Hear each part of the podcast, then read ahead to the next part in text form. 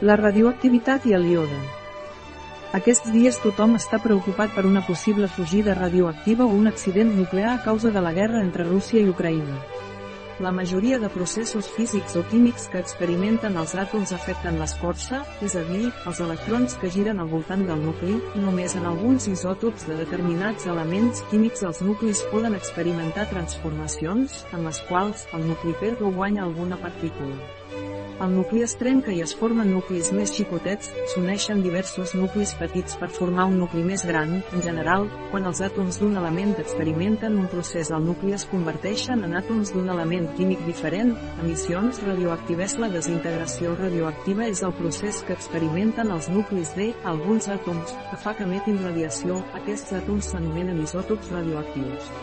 La radiació que emeten pot ser de tres tipus, alfa, beta o gamma, asterisc la radiació alfa són partícules formades per dos protons i dos neutrons.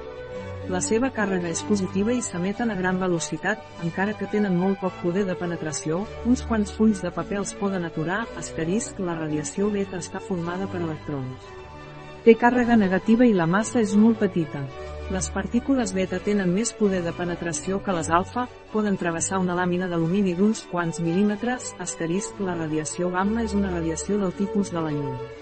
Té un gran poder de penetració, per aturar-la calen plaques grosses de plom o de formigó, aplicacions dels isòtops radioactius font d'energia a les centrals nuclears s'obté energia aprofitant la fissió d'isòtops radioactius d'urani i plutoni, també es poden utilitzar l'energia nuclear per fabricar piles de llarga durada alimentades per PLUTUN i 238, S'utilitzen els marcapassos, en equips de mesura en sondes espacials o en estacions marítimes o terrestres situades a zones d'accés difícil, medicina com a mètode de diagnòstic d'algunes malalties s'administra als possibles malalts una substància, beguda o injectada, que conté un isòtop que emet radiació de baixa energia. Aquesta substància es fixa a l'òrgan i permet observar-lo enregistrant la radiació que emet. El càncer fa que algunes cèl·lules es reprodueixin amb rapidesa i originin un tumor. Els isòtops que emeten radiació d'alta energia afecta el procés de reproducció celular, si aquests isòtops s'administren a un malalt de càncer mataran més cèl·lules malaltes que cèl·lules normals, ja que aquestes darreres es reprodueixen menys. Això es basa la radioteràpia, que utilitza diferents isòtops com el 198, estronci 90 o cobalt 60, residus radioactius. Totes les activitats relacionades amb els isòtops radioactius generen residus, com ara les restes de combustible nuclear o els materials radioactius que s'utilitzen per al diagnòstic o tractament de malalties. També es consideren residus els objectes que han estat en contacte amb material radioactiu. Els residus radioactius són molt perillosos i duradors. Petites quantitats de residu poden emetre radiació perillosa per a la salut. Alguns continuen emetent radiació durant milers d'anys. Els residus radioactius es classifiquen en residus de baixa, mitjana i alta activitat. Els residus d'activitat baixa i mitjana són aquells que deixen de ser perillosos per a la salut en uns 300 anys, com a màxim. Els residus d'alta activitat provenen de restes de combustible de les centrals nuclears o de l'armament nuclear trigaran milers d'anys a deixar de ser nocius per a la salut. Un aparell anomenat comptador GIG permet mesurar la radiació. Aquests dies hi ha molta preocupació per aquest tema a causa de la guerra entre Rússia i Ucraïna.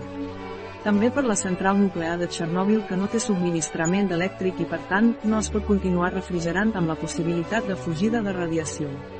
I, per altra banda, la central nuclear de Zaporia que té una torre que no funciona i les altres estan en manteniment i també necessiten electricitat, per això, la possibilitat d'escapament de radiació pot ser factible i per això preocupa molt la població. Noruega ha repartit iode a totes les escoles bressol i escoles per poder subministrar-lo als nens en cas d'accident nuclear o fuites radioactives. Això em fa pensar que la possibilitat de radioactivitat és més que evident, el iode en forma de iodur potàssic és l'únic tractament eficaç si es pren immediatament quan s'inhala radioactivitat o en cas d'haver ingerit aliments o begudes contaminades amb radioactivitat, en un accident nuclear, el iode radioactiu en ser inhalat pot ser absorbit per la glàndula tiroide. La ingesta de iode natural KELP, Natures Plus, bloqueja l'absorció de iode radioactiu a la glàndula tiroidal i redueix el risc de desenvolupament de tiroide en cas de fuga nuclear.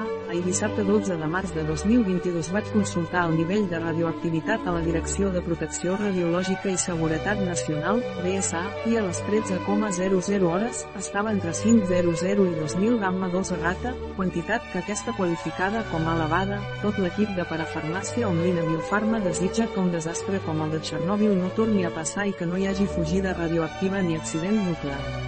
Un article de Catalina Vidal Ramírez, farmacèutica, gerent de Biofarma, és la informació presentada en aquest article no substitueix de cap manera l'assessorament d'un metge, qualsevol menció en aquest article d'un producte no representa el suport dels objectius de desenvolupament sostenible a aquest producte.